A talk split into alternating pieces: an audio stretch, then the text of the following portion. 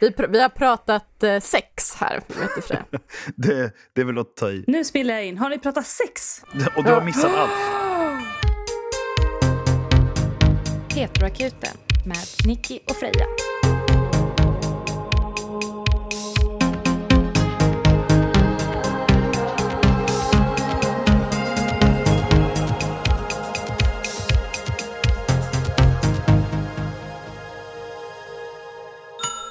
Här är den andra och sista delen av avsnitt 36 med Henrik Wahlström som gäst.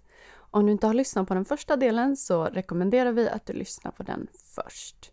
Här kommer en liten tillbakablick på vad vi pratade om i förra avsnittet, helt och fullt taget ur dess sammanhang. Först ut, en liten beskrivning av Henrik. Det här med, med håret. Jag har sån jävla volym. Björn Lurvig, hockeyfrilla-stil. Helt rätt frisyr. Alltså med öronlappar. Förstorade läppar och hela den här Barbie-look-grejen. Jag skulle säga att du är kändis. Jag har varit med i Paradise Hotel efter att ha, ha rakat benen i 30 år.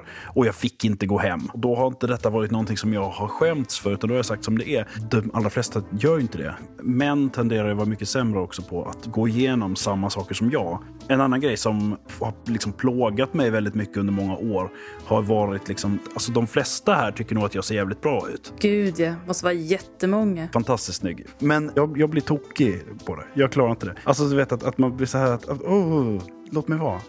Senast idag så fick jag en meddelande från en som berättade att du är mer värd eller klarar mer En- människor omkring dig. Försök tänka på det på det sättet. Att det är något jag har gjort som är jävligt bra. Sen gav vi lite härliga sex och kärlekstips så här i coronatider.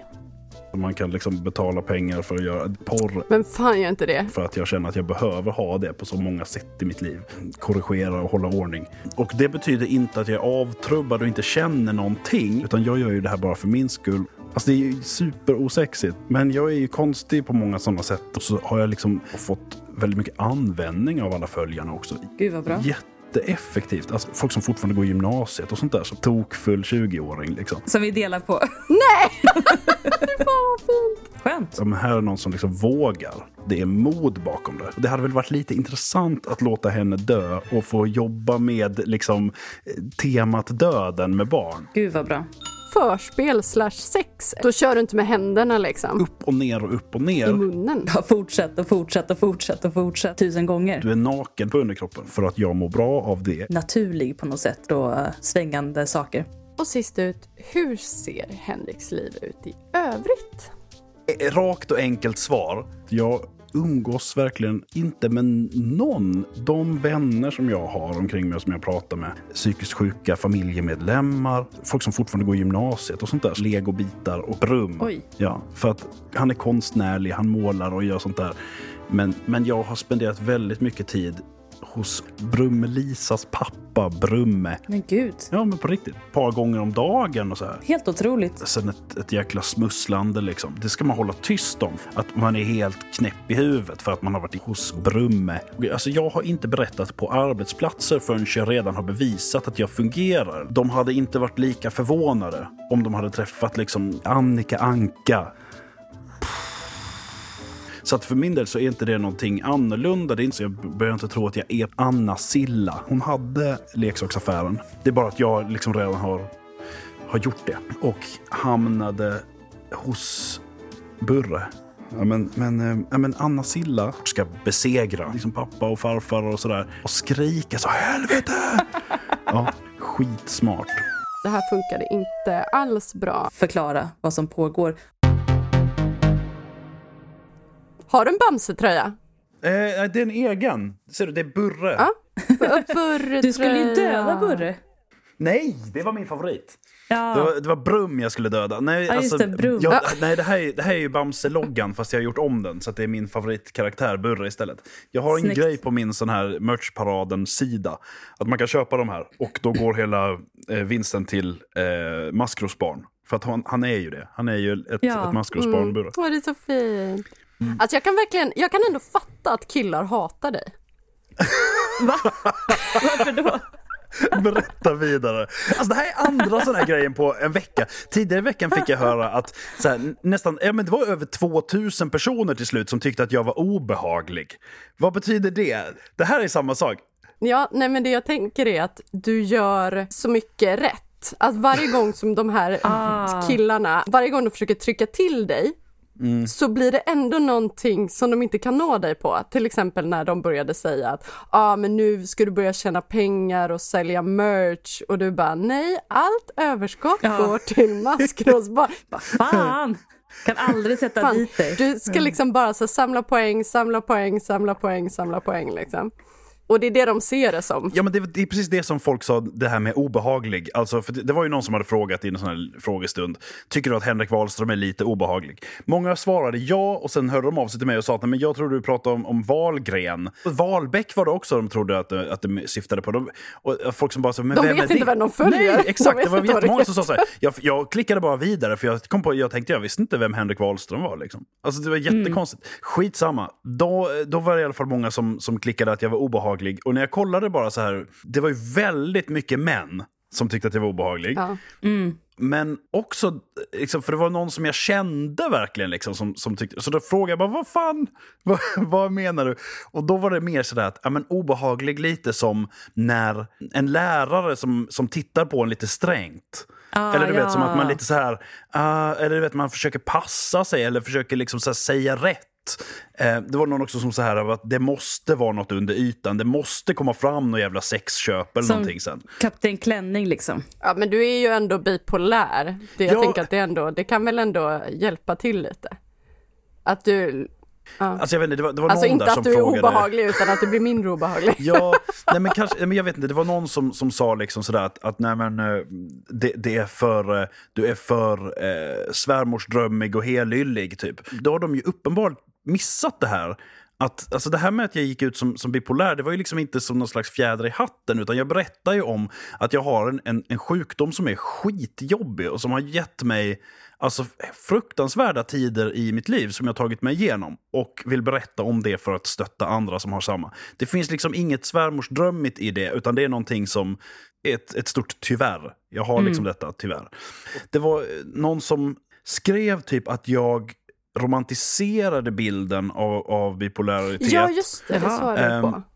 Därför att jag hade med en slutbild liksom, i min lilla komma ut-post eh, som handlade om att det finns väldigt mycket kreativa och få, alltså sådana riktiga genier liksom, som visar sig ha bipolaritet, eh, bipolär sjukdom. Och det, så är det inte, alltså att jag ska försöka romantisera det. Nej, men också ganska många som var på den listan är ju folk som har dött unga i överdoser och typ Och eh, självmord. massor. avslutat sitt eget liv. Ja. Ja. Visst, ja men Så att precis. det- Det är, och det är många som är kända för att ha skapat väldigt fina saker men under hemska perioder, liksom munk och så här. Liksom.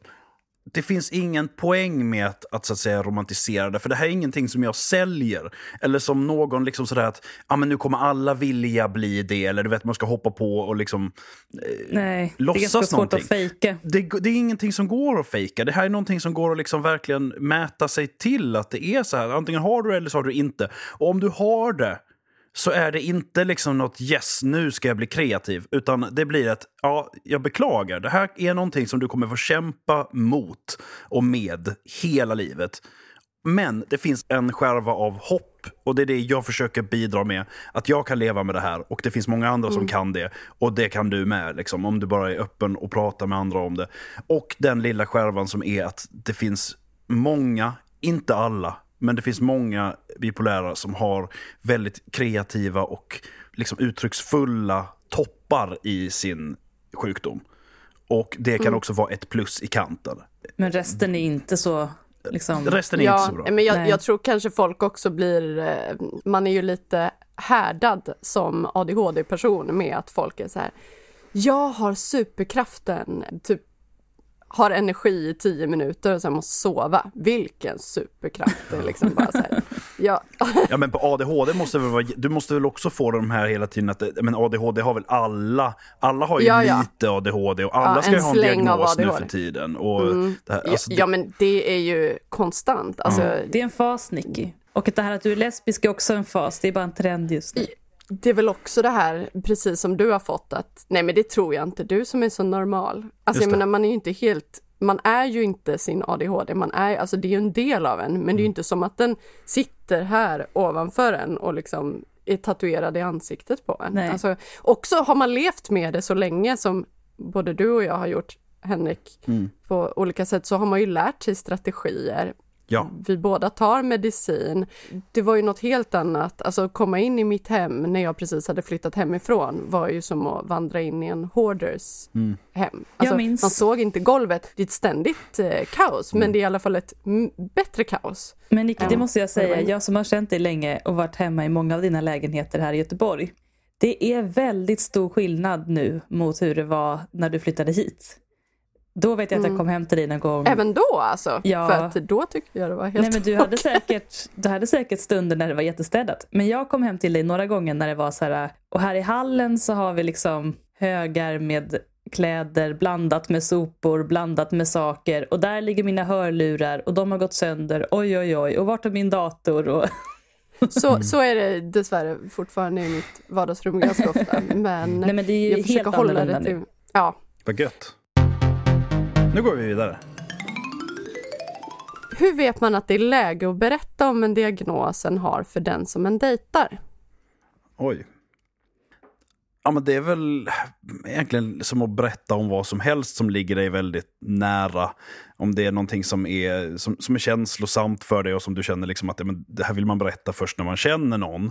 Eller man känner att det här är på väg att bli någonting allvarligt. Eller också att det är någonting som påverkar. Liksom. Att, ja, men att man vill berätta varför man går hem fast klockan är halv tolv och den här personen vill gå vidare. Liksom. Ja, men det är inte du utan det är det här. Liksom. Då kanske man vill berätta om det. Men Samtidigt så är det ju tillbaka till det här att du har ju aldrig någon skyldighet att berätta. Utan det handlar ju om att för min del så har det ofta varit, om jag har berättat så har det varit för att för min egen skull så har det underlättat på något sätt.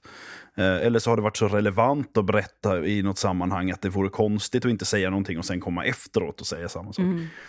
För mig har det varit väldigt olika när jag har träffat folk. Med vissa så har det varit att man har kommit in på det tidigt av någon orsak för att man har pratat kring sådana saker. Den senaste personen jag dejtade sa alla i Sverige har ju typ en ADHD-diagnos. Har du en ADHD-diagnos? Och jag bara ja. Oh, Det var yes. roligt. Och, och en annan gång, då kände jag verkligen att, men jag ville inte berätta det alls tidigt, men då blev det som att när jag skulle sova hos henne så kände jag att jag ville säga att jag äter medicin så att jag inte bara sitter och pillar i mig medicin på morgonen och liksom smusslar kring det. Jag vill inte, jag vill kunna svälja min medicin till frukost. Mm. Ja, vad jobbigt att göra det i smyg. Och, och hon var så här, men det spelar ingen roll för mig. Och då sa jag, nej men det spelar ändå en viss roll för mig, för då hade jag inte tagit medicin så länge. Och varpå jag sa att ja, men för mig känns det viktigt att säga, ja, men jag kanske inte kommer kunna äta direkt efter jag har tagit det, för då påverkade det min aptit väldigt mycket. Okej, ja. Men det där är ju helt individuellt. Men tycker ni att det är en sak som man bör berätta på första dejten eller att man ska vänta med? Nej, Eller finns det något sådär ska? Nej, inget bör där tycker jag. Det är om Nej. det är någonting som är väldigt, ja, men som, som är viktigt i ditt liv och som du, som du vill prata om. Om det känns, om det känns relevant liksom. Mm. Du hade liksom kanske inte, om du tittar på liksom fysiska grejer, du hade kanske inte börjat berätta om att du har ett, eh, liksom, ja, men fixat någonting annat på din kropp förrän, förrän det blir aktuellt att berätta det. Liksom. Jag har i och för sig varit med många som säger jag har en piercing mellan benen på första dejten. va? Det har jag aldrig varit med om. Lite lockande. sådär. Jag har Ja, varit med om det så många gånger. Jag, jag vet inte, men det är bara för att du träffar heteros bara. Ja, det är det. Men det hade jag önskat att de inte sa på första dejten. Har det blivit en andra dejt också? Nej. Men det här är ju ofta kan ju folk faktiskt också gissa lite grann. Alltså, min nuvarande chef idag frågade mig i liksom bara ett sammanhang att jag var väldigt eh, kreativ på många fronter samtidigt och hade mycket konstigheter för mig. Jag bara, ja just det, ja, men jag har ju, jag har ju sytt kläder till en liten apa, massa olika outfits. Och då var det så här, men du har någon diagnos eller? Bara, ja, ja visst det har jag. Ja, och så fortsatte vi prata vidare om något annat. Alltså, du vet, det, det är ofta ganska accepterat, i alla fall i Ja. sådana, liksom, jag menar, nu pratar vi om så här kreativa yrken och sånt där, där det kanske är särskilt ac- accepterat. Men förhoppningsvis är vi på väg mot att det är accepterat i hela samhället. Det är därför vi pratar högt om det här. Mm. Jag tycker alltid det är bra om någon har gått i terapi eller går i terapi för att det tyder ju på en viss självmedvetenhet. Ja, Ja. gud ja. Man pratar om psykisk ohälsa men jag tänker att det kanske mer handlar om psykisk hälsa. Mm. Att man faktiskt är medveten om vad man kan påverka, vad man inte kan påverka och underlätta för en själv och hitta strategier. De allra flesta människor kör ju bara på i livet och så får det gå som det går och så är de ändå rädda för oss med diagnoser. Psykisk ohälsa har ju blivit lite modeord, alltså att, att bunta ihop väldigt mycket under.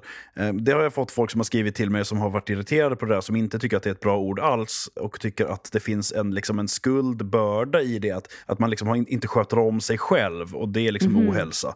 Eh, Men jag vet inte om jag håller med där. Jag tror bara att vi försöker liksom hitta bra termer som går att använda generellt för många olika sjukdomar och sånt där. Ja. Och äv- även då ifall det är saker som man inte vill säga att det är en psykisk sjukdom. Därför att du vill kunna blanda in kanske ja, men neuropsykiatriska funktionsvariationer. Ja. Att det, att det, om jag säger funktionsvariation i ett inlägg så är det folk som hör av sig och säger våga säga funktionsnedsättning. För att annars så, så, så liksom berövar du mig rätten att, att ehm, liksom få be om hjälp. Och sen så då skriver jag i nästa funktionsnedsättning och då är det folk som säger du det heter inte det längre. Vakna upp liksom, det heter, det heter variation. Alltså det går, det går ju inte att göra alla nöjda. Eh, Nej. utan Nej. folk får faktiskt bara förstå att vi försöker prata om saker för en bra sak. Ja. Liksom. Eller hur? Ja, Skärpning. men jag håller med. Vad ska vi nu prata om? Hemlisar. Känner du många icke-heteros? Är jag faktiskt nyfiken En på. hemlis. Det har vi fått en fråga. vilken, vilken hemlis. Nej, men jag, eh, en, ja, men en handfull, nej vänta, vad fan ska jag tänka här bara i eh, 20 stycken kanske? Något sånt där. Men det här är ju vad jag vet. Det här är ju folk som är öppet homosexuella, tänker jag. Så det finns det väl säkert jättemånga som är bi och som inte liksom agerar ut det, eller som är homosexuella och aldrig har kommit ut. Eh, och sådär. Men som är öppet gay så är det väl kanske ett 20-tal eller något sånt där. Men i din nära krets då? Ja, men kanske tio som jag skulle kunna bara plocka upp telefonen och ringa till om det är något. Det är ganska många. Ja, det är ganska många. Jag har inte ens tio som jag skulle ringa. Men det är för... Nej men okej, jag hade inte, inte tio stycken som jag hade ringt och sagt att nu är livet orättvist mot mig, vad ska jag göra? Utan, utan ringt om, om det är något. Har, Ja, liksom, vill ja. du, kan du hjälpa mig med någonting? Alltså, alltså det är folk som, som är lite mer än en Facebook-vän eller hej hej. Liksom. Ja. Nu Freja, nu får du gå över till hemlis. Ja. Eh, men då är det ju egentligen mest att folk har skrivit sina hemlisar, men jag tänker att vi kan diskutera dem. Ja. Men vi har också fått massa frågor kring det. Också. Det här bygger ju, kan man ju säga, alltså det här var en grej som jag trodde att jag hittade på helt själv. Och sen visade det sig att det har varit en jättetrendig grej. Liksom. Men Henrik, jag tror att det handlar om att du har lite dåligt minne, för jag minns att ditt första, ditt första inlägg om det här var att du skrev att du hade fått ett tips från en följare som frågade om inte du kunde fråga om folks hemligheter Ja, och du sa ja, ja, det ja. kanske jag testar någon gång. Ja. Och sen så gjorde du det efter typ en vecka och Ja, sen precis, började det. precis. Så det var någon följare som tipsade dig om att göra det här. Precis, och ja, den kanske hade sett det någon annanstans. Så den följaren hade ju snappat upp det här någonstans. För att jag visste inte ens att det här var en grej. Utan jag tyckte bara att ja, men det var en kul idé. Liksom. Eh, och sen så provade jag det. Brukar du en gång i veckan, eller du brukar fråga så här, skriv dina hemlisar. Eh, Precis, Och så och så- skickar folk in och är så- anonyma. Ja, och, och den grejen har jag ju inte liksom eh, hållit på med så länge. Det finns inte, jag har ju inte något schema för mitt konto. Jag lägger upp vad jag vill vilken dag som Ja. helst. Så det har bara varit sådär att ja, men nu har jag haft, Då då. Det här är ju någonting som är samtidigt som jag tränar för att fördriva tiden. Så det är väl kanske var tredje träningsrunda eller något sånt där. Och då får folk skicka in sina hemlisar och så, så sprider jag dem liksom vidare utan namn då liksom. Och du tränar ju cross-trainer ska sägas, så det är Ja, inte som att det- du sitter och lyfter hantlar Nej. och besvarar medan du stönar liksom. Nej, det här är liksom en träningsform som jag har hittat som jag kan göra som funkar Bara för min rygg som är väldigt konstig. Och, och då, eh, så då kan jag, jag träna på en crosstrainer utan att använda händerna och då kan jag göra detta samtidigt. Mm, För vi har fått lite frågor här kring Mest bananas hemlighet någon skrivit under dina berätta hemligheter-pass. Ja men alltså, eh, bananas, om man säger så här, det, det har funnits hemligheter som jag inte har lagt upp. för att de har känt som att det här är rent brottsliga saker. Eller det här är någon som mår jättedåligt och som behöver hjälp. Inte att vi ska liksom hålla på och... Alltså, som jag har skrivit till ändå själv. Ja. Och skrivit att det här behöver du verkligen söka hjälp för omedelbart. Ja. eh, ja, men, det, men det har varit folk som har, så, som, som har sagt att jag kommer ta livet av mig själv ikväll. Ja. Alltså, fy. alltså ingen Fy. vet det, men jag har förberett det. Liksom. Men gud, hur har du reagerat fy. då? Nej, men jag har agerat med att jag har, har liksom skrivit och sagt liksom att, att eh, vänta inte en sekund, utan ring liksom omedelbart. Det här liksom är nummer. Eh, ring liksom en, eh, och svarar inte dem så ring en självmordslinje. Hör av dig till dina föräldrar. Det här kan, liksom, det här kan du aldrig ångra. Liksom. Eh, och, och, sådär. och sen så, hur det där utvecklar sig varken vet jag eller, eller ska berätta om ifall jag vet. Så det, det, är liksom, det, det har varit sådana grejer. Och det har även varit folk som liksom har sagt saker som är sådär att det här kan inte jag lägga upp utan att liksom behöva på något vis pusha för någon slags utredning. För det är folk som har liksom erkänt saker. Liksom. Eh, som bara kan vara blaj, eller så är det på riktigt, men det, är bara, det, det lämpar sig inte att lägga upp. Eh, Men bland sånt som ändå har varit sådär att men det här är väl inte olagligt kanske, men jag kan lägga upp det i alla fall. Då har det varit folk som liksom konsekvent under massa år ligger med sina halvsyskon och sådana grejer. Ja. Oj, oj, oj. Och, Men är det halvsyskon? För det var någon gång du la upp plastsyskon. bonus. Precis. Bo- Ja, och det är ju något annat. Ja, för då har man ju Bonus, ingen... eh, Bonusbarn vet jag att det finns ett par stycken som har skrivit. Ehm, Oj, ändå men ett det var någon... stycken. Ja, men det var någon Woody där Allen, som... Woody Allen, Woody Allen. Ja, men just det, så här är det. Det var ju någon där som hade legat med sitt bonus, ba, eh, bonussyskon väldigt eh, länge. Den som hade legat med sitt halvsyskon, det var någon sån här eh, grej att man fick veta sen att ni är halvsyskon. Alltså Mm. hitta, fått veta att man är mer släkt än vad man har trott. Liksom. Som i skilda världar. Ja, precis. Ja, eh, precis. Sådär. Men det måste ju Ja. vara någonting som, jag tänker att det måste ju vara väldigt många faktiskt. Ja, men, du har ju hört många berättelser, men just plastsyskon. Mm. Jag menar, snart måste man ju hitta sätt att förhålla sig till det i samhället. För Ja. snart växer människor upp och så kanske man vill gifta sig. Och då är det ganska svårt att säga Ja. vi träffades för att vi var halvsyskon. Eller säga plastsyskon. Eh, och det är ju Mm. liksom inte alls genetiskt fel, men det kan ju vara socialt fel. Jag tror att det är väldigt tabu, fast jag vet inte. ja, ja, absolut. Behöver det vara det? Jag vet inte. Men det, beror, det är också skillnad, tänker jag, om man har vuxit upp sen man var pytteliten eller om ens föräldrar träffades när man var Ja, 15. fast på ett sätt skulle det- du, jag ställer mig ändå på den här, jag vet inte, jag tänker om, jag har ju vänner som jag har vuxit upp med sen jag var liksom två. Och de vännerna, jag skulle ju tycka att det var överraskande om jag blev ihop med dem, men det skulle inte vara konstigt. Vi har känt varandra sedan vi var barn, nu har vi blivit ihop när vi är vuxna. Nej, inte alls Nej. på samma sätt. Nej, Nej. men det är skillnad om man, man är släkt. Och är Nej men inte om man är släkt, jag pratar om plastsyskon. men det här var ju halvsyskon också. Ja men jag Det pratade bara om plastsyskon. Mm.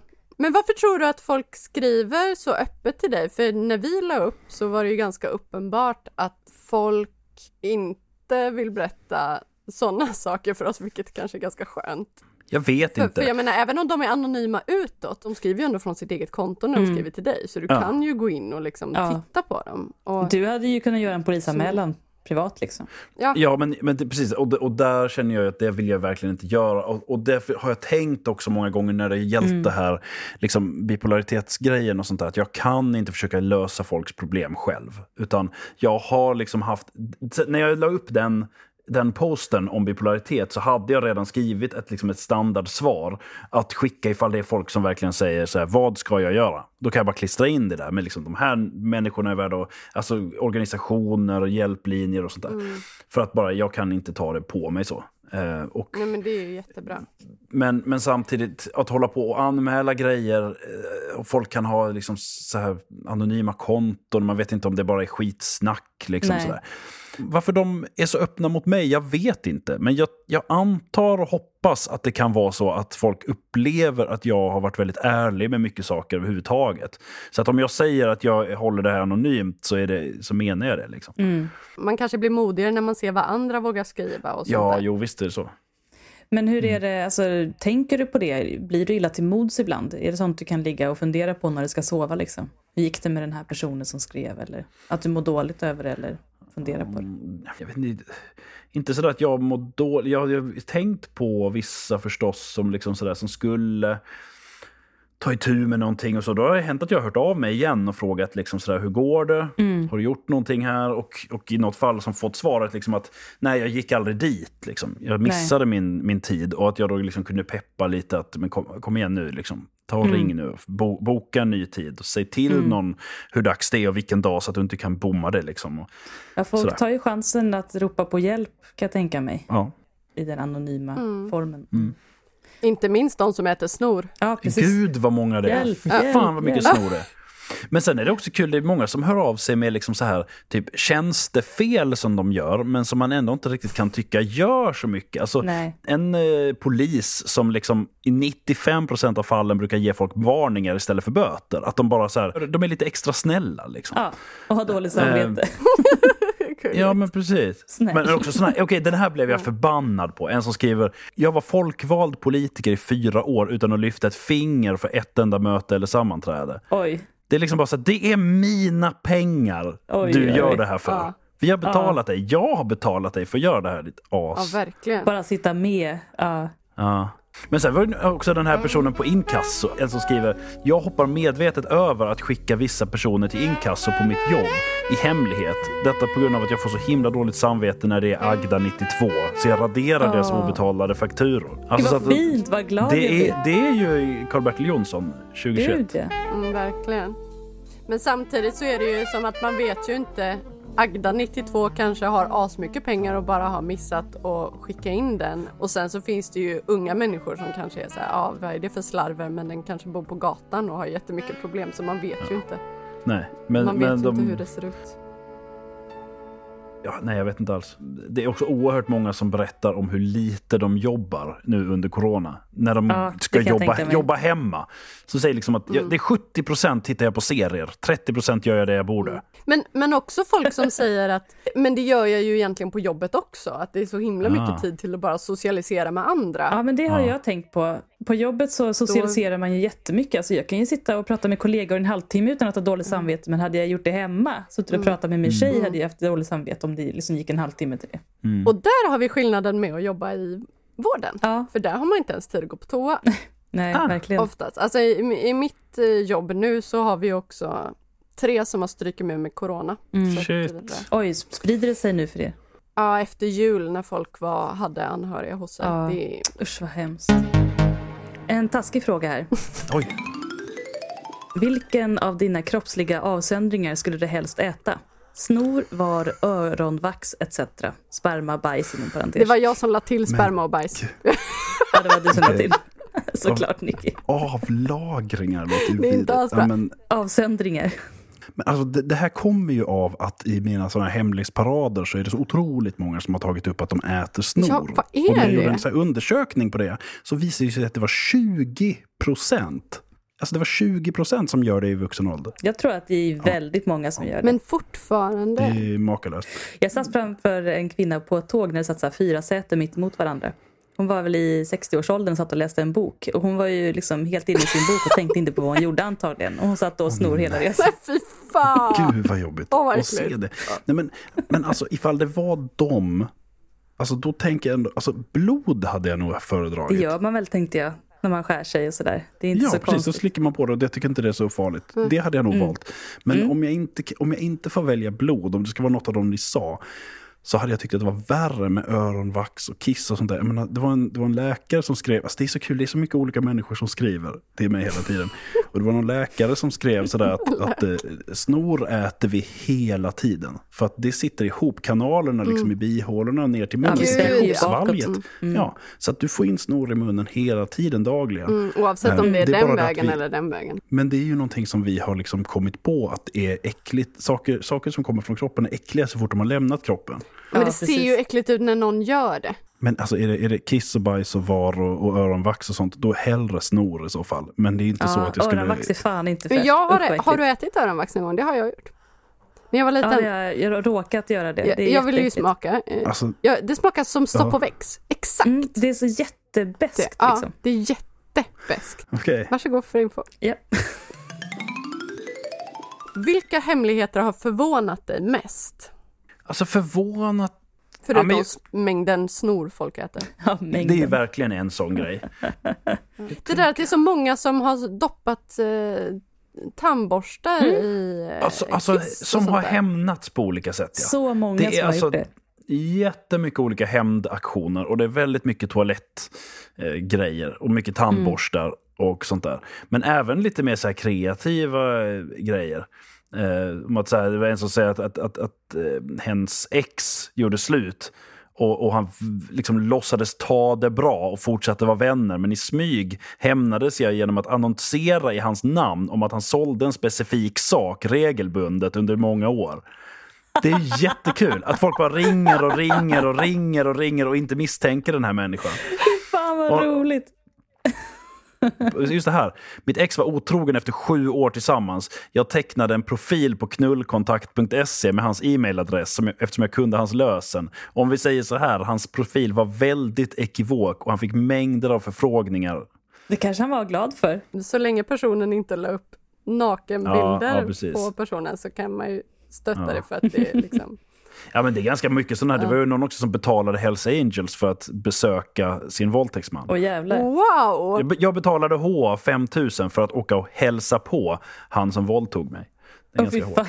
Det var, ja men fan vad bra! Ja, jag stöttar. Det känns lite Deadpool. Ja, verkligen. Sen finns det samtidigt såna här mildare hämnder. Jag brukar knäcka blad på min rumskompis växter när jag inte orkar med henne. Känns så mycket bättre efteråt. Nej usch, stackars växter. Det, Har ni hämnats någon ja, gång? det är ju... Ja, jag har hämnats. Nicky, ja. Ja, Berätta, Nej, jag såg Nicky. Ja, din ja. glädje i Ja. ögonen. Vad har du nu gjort? jag har... Ja, okej, jag kan säga vad jag har gjort. Det var en väldigt rolig hämnd. Jag har, alltså jag har verkligen inte hämnats annars, men jag dejtade en tjej som eh, sa sig vara med i ett eh, band. Ibland när någon säger ja, jag är med i ett band och så är det skitdåligt så blir det lite jobbigt kanske. Särskilt när man själv är musiker. Men det här var verkligen väldigt, väldigt bra. Eh, sen visade det sig efter några månader att det var inte alls hennes band utan det var hennes pojkväns band. Mhm. Eh, och hon hade bara missat att berätta att hon, ju hon hade sagt att hon var 99% lesbisk. Men den här enda procenten var då hennes pojkvän som hon hade, som hon hade kommit Gud. överens med honom att inte berätta om för mig. Men fy fan. Eh, alltså jag var så jävla jävla arg, inte så konstigt. Och jag gillade verkligen henne så det var ju väldigt jobbigt. Men jag hämnades på det sättet att jag eh, ganska långt senare hörde av mig till det här bandet och bad att få göra en remix.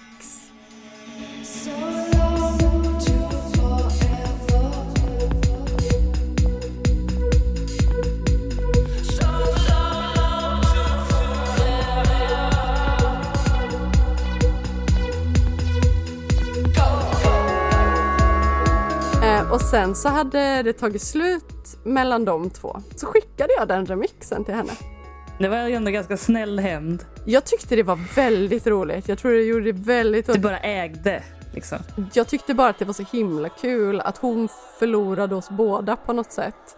Och sen så fanns den här remixen ute som en mashup mellan oss två. Liksom dansa tillsammans. Men jag la liksom min sång på det här också. Så hon hade både min sång och hans sång på den här texten.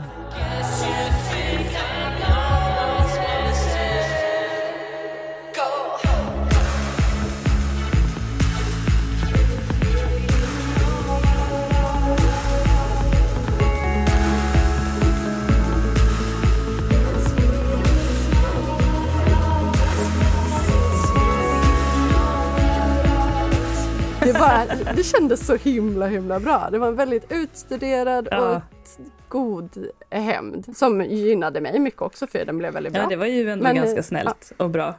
Du då Henrik? Jag hade en eh, nära vän som, som var ihop med en kille som visade sig vara ett total svin och som hade bedragit henne under lång tid. Och då frågade jag så här, "Får- vad får jag göra liksom? Och så här, "Ja, men gör, gör inget kriminellt och sådär, men, men annars, gör- om du ska göra någonting så berätta inte liksom. Jag hade den här killens mailadress. Så jag bara så här, nu ska jag bara go wild. Så jag började liksom leta upp bara, för det här var en sån här mailadress man inte vill göra sig av med. Du vet, förnamn.efternamn.gmail. Ja, liksom, just så att det det. var så här, sån där, som man använder till allting som man ska ha. Åh nej. Och jag bara gick lös på liksom, dels bara så här, okej, bara så här, e-mail blacklists liksom. Du vet så här, bara li- list, det finns liksom sätt att få ut en, en adress till jättemånga intresserade på en gång. Så där började jag liksom slänga ut den. Men sen så var det också att jag började söka eh, information. Du vet, man kan beställa information om någonting på en sida. Så jag har liksom gått in och sådär, ja, jag skulle gärna vilja ha mycket mer information om så här eh, handikappidrott i Omaha. Kan ni skicka alla folders och sånt ni har? Har ni min adress i Sverige? Sådär. eh, och, och liksom så mycket grejer. Med, med, så här, beställer kataloger om olika sorters silos. Så här, ensilagelösningar. Jag vill veta allt som finns att veta. Här är min adress. Eh, och sådär. Så att jag vet inte hur, alltså hur mycket roligt. info om alla möjliga ointressanta saker han måste ha fått under liksom lång tid. Du vet hur svårt det är att komma av någon sån där Ja, mejllista? Liksom. komma... Nej, nej. Men det är ju sådana hämnder som är så himla bra. De är bara så jävla jobbiga liksom. Nej, jag har aldrig hämnats faktiskt. Jag försöker, jag försöker verkligen tänka nu. Det är inte för sent för det. Nej, jag känner att jag behöver steppa upp my Har du inte lite. någon? Ja, ja. Jag har bara haft väldigt, alltså när jag har blockat, jag har ett, ett ex som jag har blockat. Och jag fick så dåligt samvete över det. Eh, så att jag, jag hävde det. Var det hon galna? Jo, det, hon var galen. Vilka hemligheter hade du förväntat dig men som inte kommit?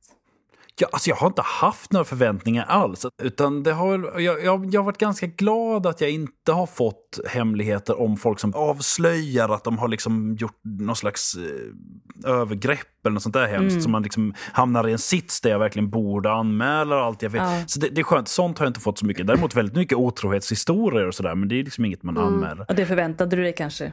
Ja, det gjorde jag också.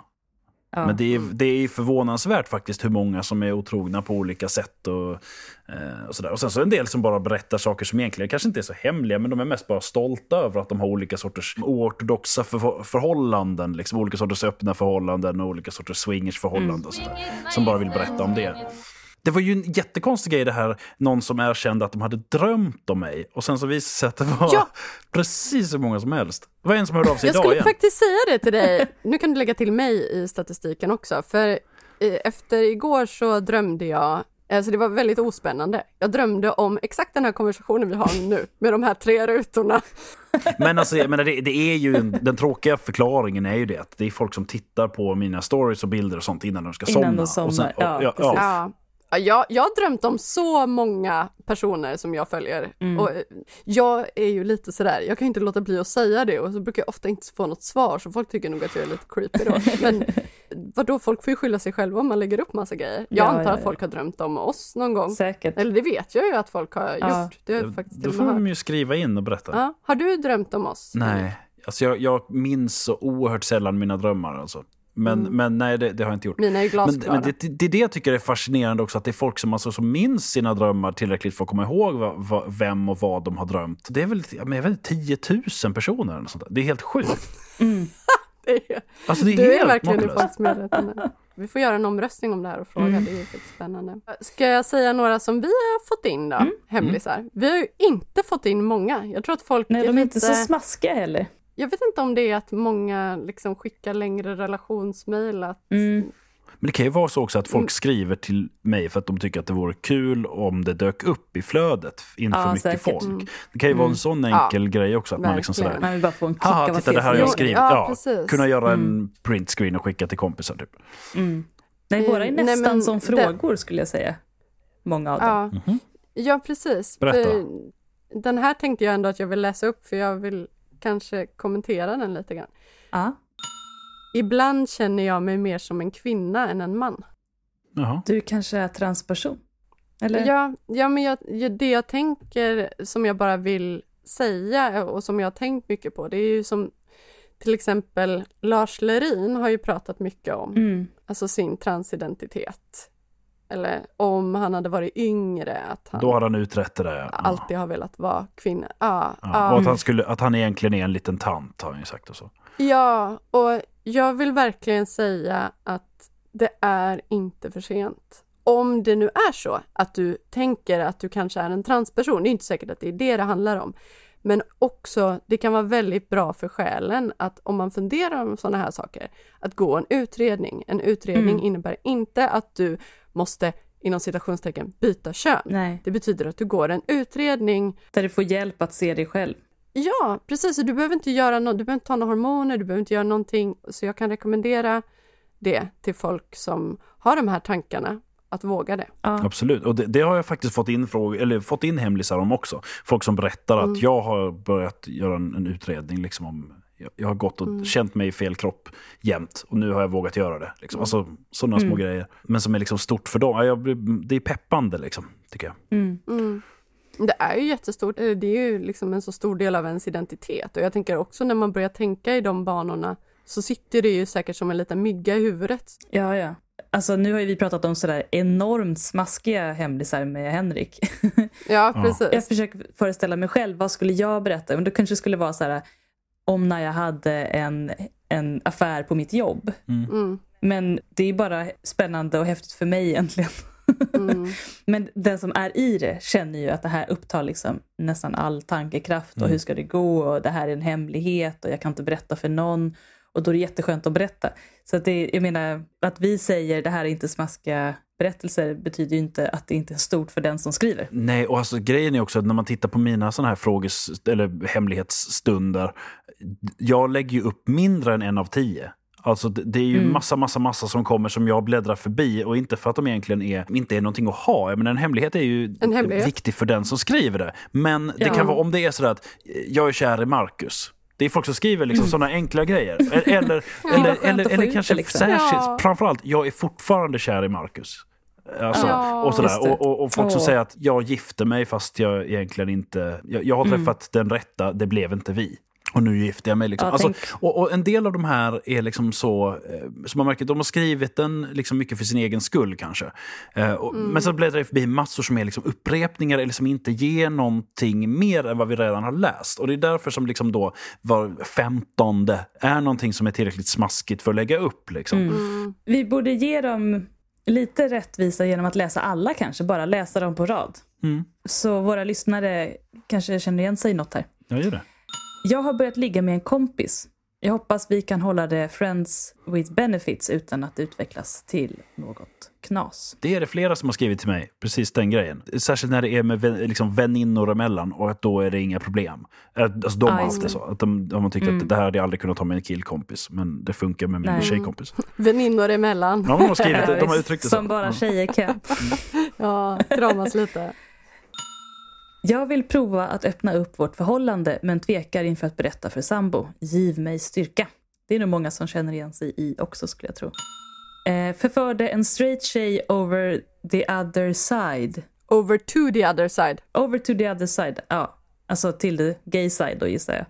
Hon trodde jag var FTM, alltså female to male, transperson. Vi vet Ja, ju inte vad personen identifierar sig som, så det är svårt för oss att skratta. Haha, vad tokigt. Men Nej men jag antar att det är väl någon, ja, ja jag vet inte. Fattar att det är dumt att anta saker, men jag och min kompis är säkra på att vår lärare, inom parentes, 60 plus i heteroförhållande och gift, är leb, eller åtminstone bi. Hon är väldigt straight. labb. Ja, labb. Hon är väldigt straight i sitt sätt att vara i alla fall. Jag undrar varför de då är så säkra på att hon är leb.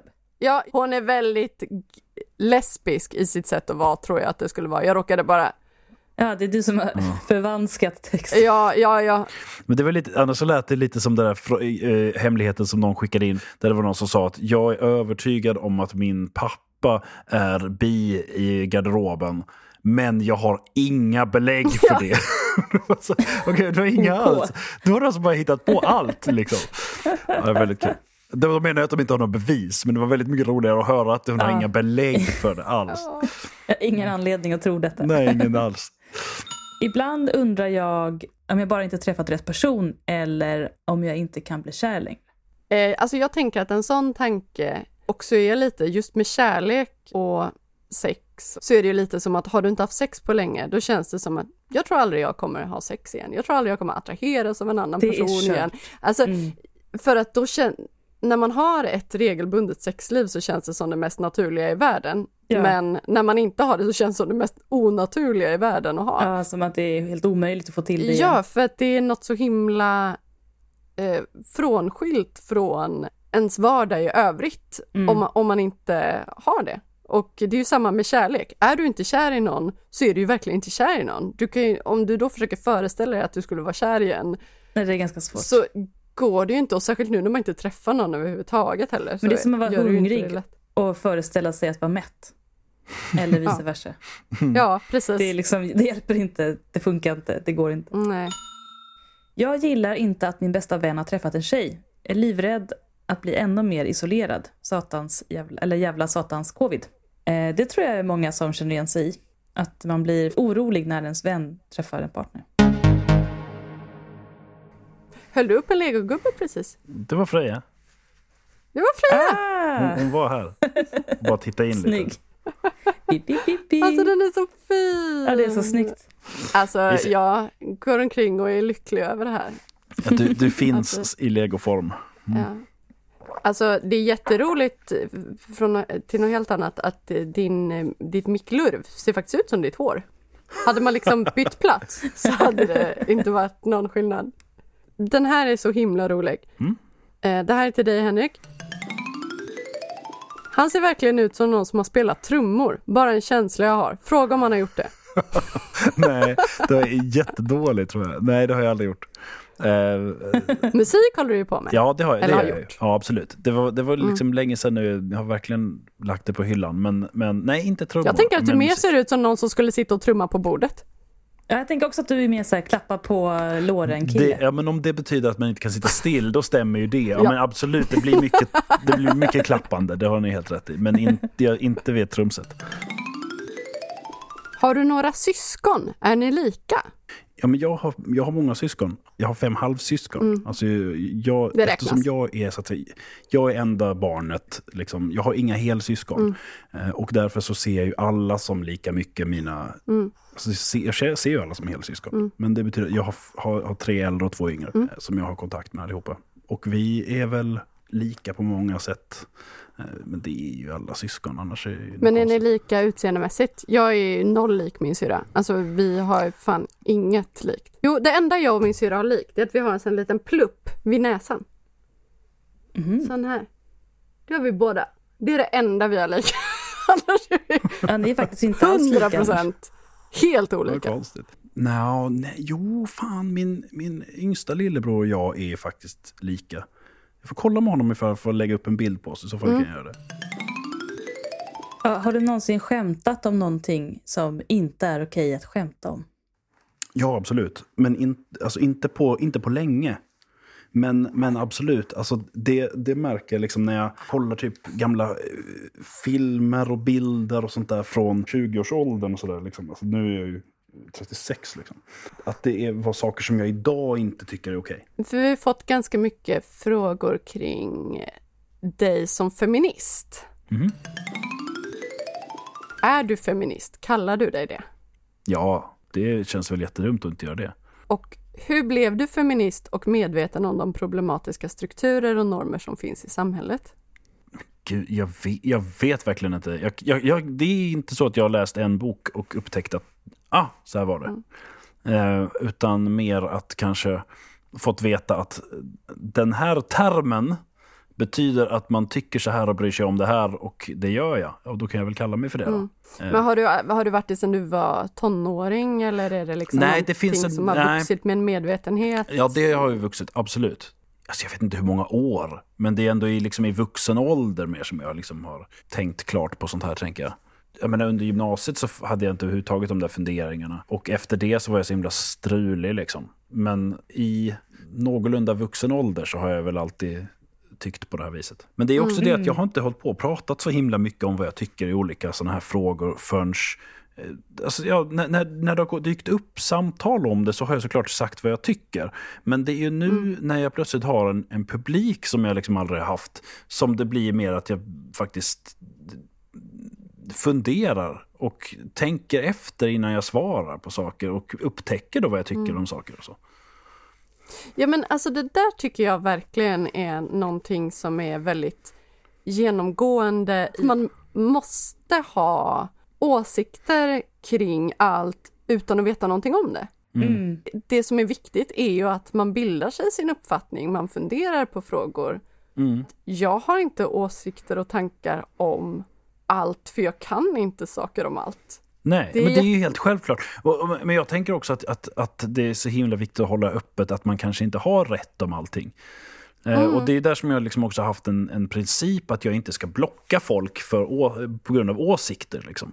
Om folk hör av sig till mig och tycker annorlunda och säger att de tycker att jag har fel om någonting så kommer inte jag blocka dem om Mm. det utan jag läser och jag svarar eh, i den mån jag har tid. Liksom. Men jag tar inte bort dem. Jag stänger inte av dem från mitt flöde. Liksom. Utan då får de vara en del av, av den info som når mig. Och sen så får jag liksom ta ställning till det. För det kan mycket väl vara så att jag har fel i någonting. Det är så himla svårt. Just nu så är vi på ett sätt med liksom det här med filterbubblor och sånt som gör att vi tror att vi har rätt oftare än vad vi faktiskt har. Men man, man får också ändra sig, man måste kunna ändra sig. Ja, precis. Världen ändrar sig. Och det här med att tänka efter. Jag vet, jag var, jag var gäst i en podd som heter Ofiltrerat, med en som heter, kallas för Fia. Men, men hon ställde väldigt mycket frågor och jag liksom sa typ att du, får du får klippa bort dem jag sitter och tänker. Liksom, och så funderar jag. Liksom, och mot slutet av intervjun eller podden liksom, så, så det var liksom bara jag och en till gäst som hon har haft som hon sa som tänker efter ordentligt innan jag svarar.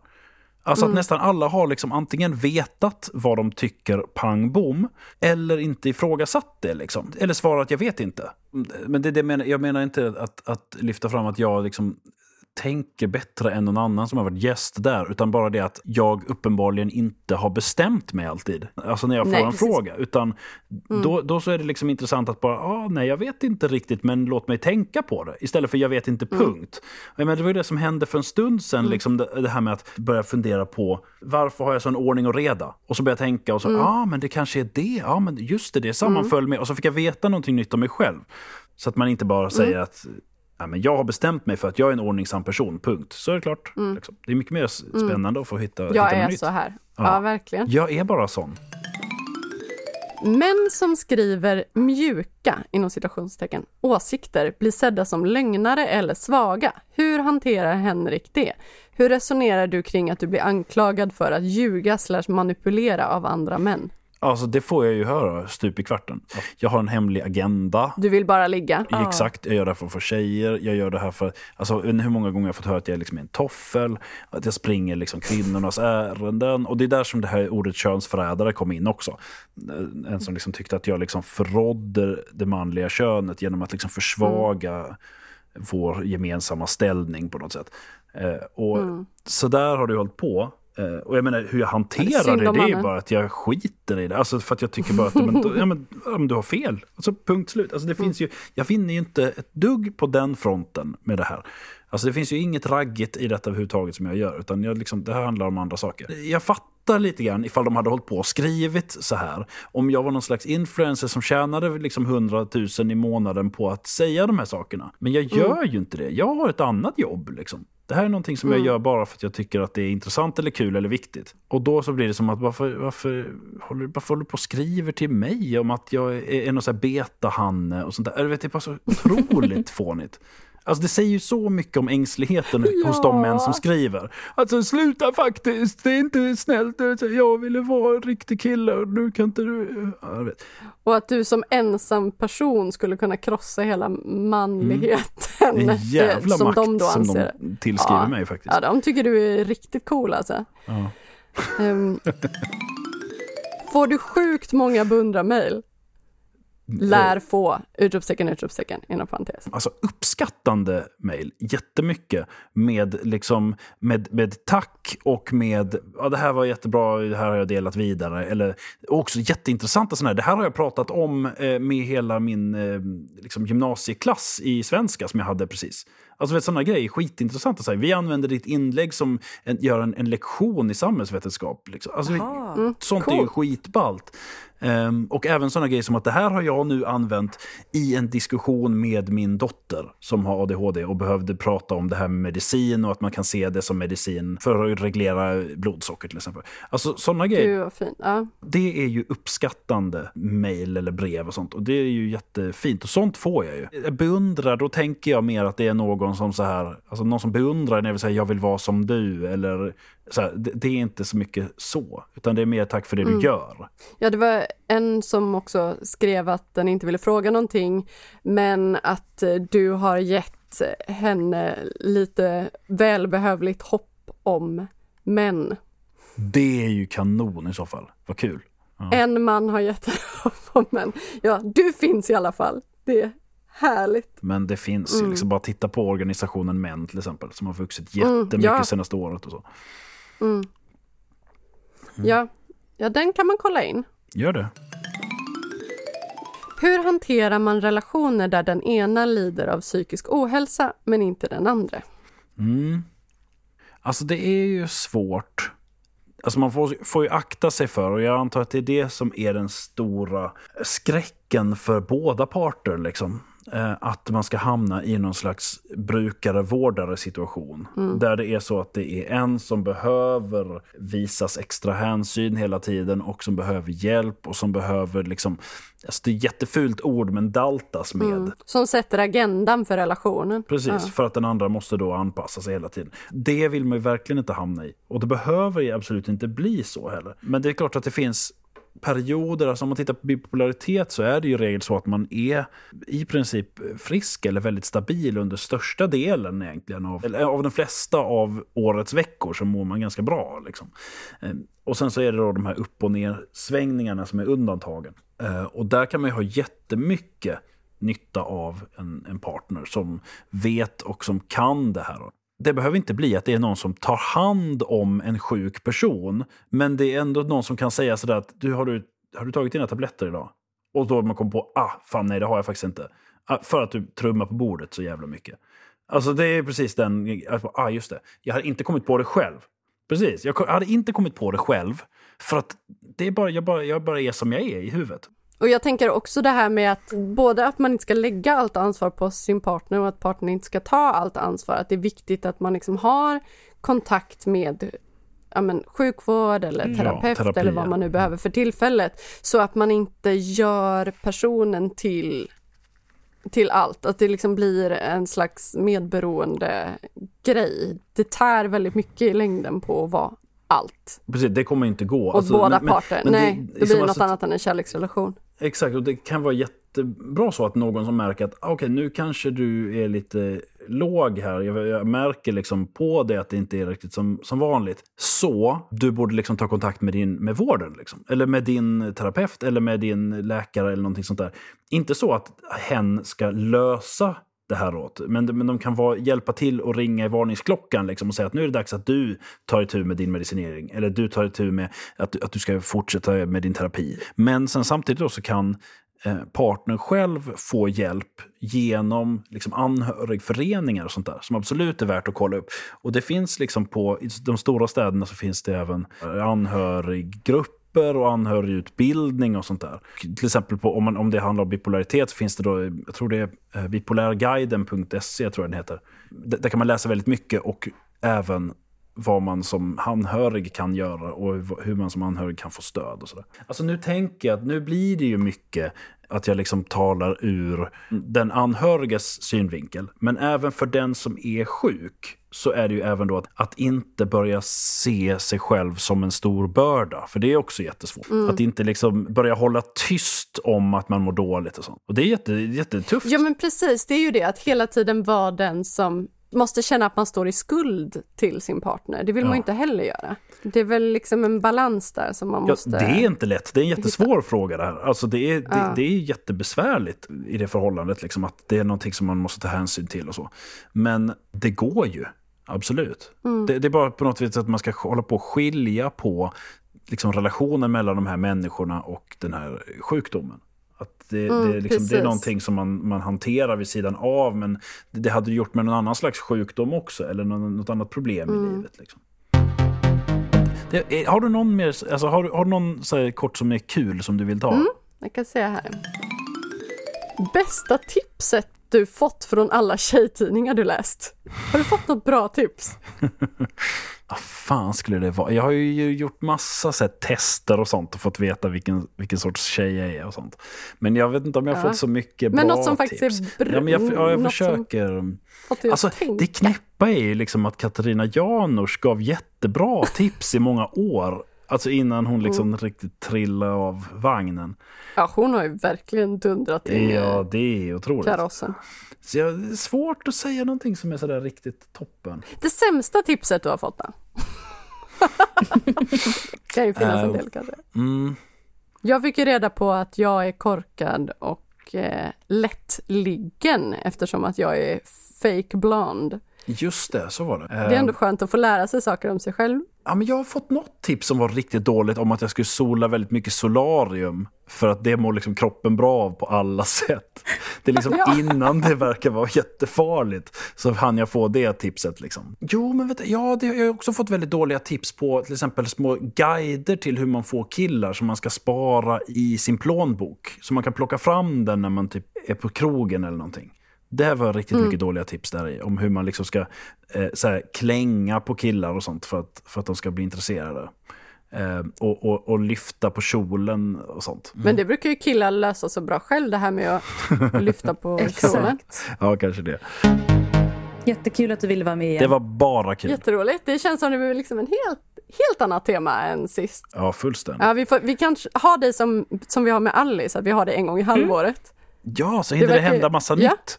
Så nästa Ja. halvår Det så kommer det vara en massa Du, nya du börjar koncept. snöa in på någonting nytt Ja, liksom. det kommer vara så. Om en halvtimme, Ja, det halvtimme. Det om ett halvår nytt kommer det vara så. Ja.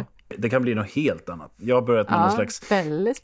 vad heter det, scrapbooking eller något så här skitkonstigt. Du är inte lika inne på tjejtidningar längre känns det som. Jo, jo, jo, Eller- absolut. Ja, ja. Det, Det är bara det det- du har jag, hittat alla nummer. jag, jag, nej, jag beställde nya senast igår, på, för det dök upp. eh, och, och läste senaste, alltså de, de ligger överallt här omkring mig. Så det är absolut... När kommer boken? Ja, men det är det där som vi håller på och välder och vrider på. För att vi har förlag som är intresserade och sådär. Men, men det är en sån jäkla djungel med eh, rättigheter. Och eh, att få Mm. publicera bilder som någon annan äger och sådär. Ja, det förstår jag. Det är jättemycket juridiska som, som sätter stopp där. Och då har vi fått liksom nya tankar på, fan skulle inte detta kunna göra sig jättebra som typ en typ SVT Play-serie eller något sånt där? Alltså en, en webbserie Mm, det istället. Att göra lättare. Mm. tv på det här. Ja. För då kan vi komma runt en hel del av de där reglerna genom att helt enkelt filma av tidningar och sånt. Men också att vi skulle Mm. kunna då göra liksom rörliga intervjuer med folk och olika avsnitt som handlar om olika teman i detta. Så, så att vi, vi håller på att fundera på det. Om man, de här Ja. kapitlen som vi har skrivit, göra dem till avsnitt istället. Kanske. Mm. Intressant. Du frågade om eh, pro programledare. Vi kan vara programledare, jag och Freja. Jag kan göra pentestet och visa att jag fortfarande är 12. Tack Henrik också för att du är så öppen och ärlig i dina svar. Det uppskattar vi. Ja, vad kul. Då Ja, så. Ha det så bra. Hej, hej.